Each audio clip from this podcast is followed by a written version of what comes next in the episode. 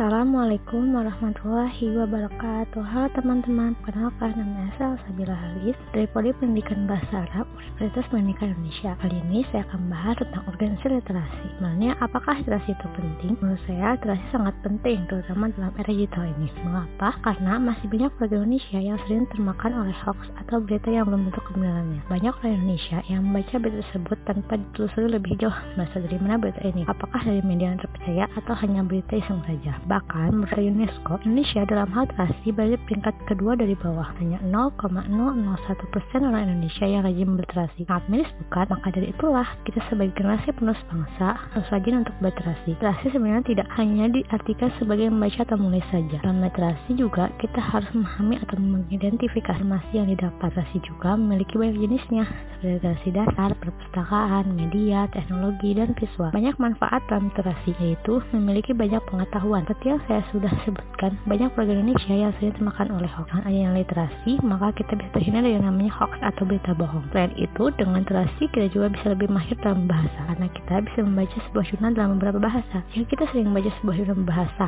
seperti Inggris atau Arab, maka dapat menambah kemahiran dalam berbahasa. Bantu menambah kosakata juga termasuk manfaat dalam literasi. Dengan berliterasi, kita dapat menambah kosakata yang sebelumnya tidak tahu apa apa kata tersebut, menjadi tahu arti kata tersebut tersebut dengan literasi pula kita dapat bersikap kritis karena dengan kita banyak membaca maka pilihan kita pun akan kritis. Belajar dan berpikir itu harus seimbang. Menurut Insinyur Soekarno belajar tanpa berpikir itu percuma. Berpikir tanpa belajar itu berbahaya. Belajar di sini bisa kita artikan dengan berliterasi itu sendiri. Selanjutnya Melatih fokus dan konsentrasi juga termasuk manfaat berliterasi. Karena dengan berliterasi kita akan fokus dalam membaca. Contohnya, jika kita sering membaca sebuah novel, maka kita akan cepat membedakan isi novel tersebut. Kenapa kita bisa cepat dalam membaca novel? Karena kita fokus dalam dan berkonsentrasi dalam membaca novel tersebut, tidak memikirkan hal yang lain atau tidak beraktivitas yang lain. Masih banyak manfaat-manfaat lainnya dalam literasi, seperti mempertajam diri dalam menangkap suatu informasi dari sebuah bacaan, mengembangkan kemampuan verbal, dan melatih kemampuan berpikir dan menganalisa. Dalam cara digital ini,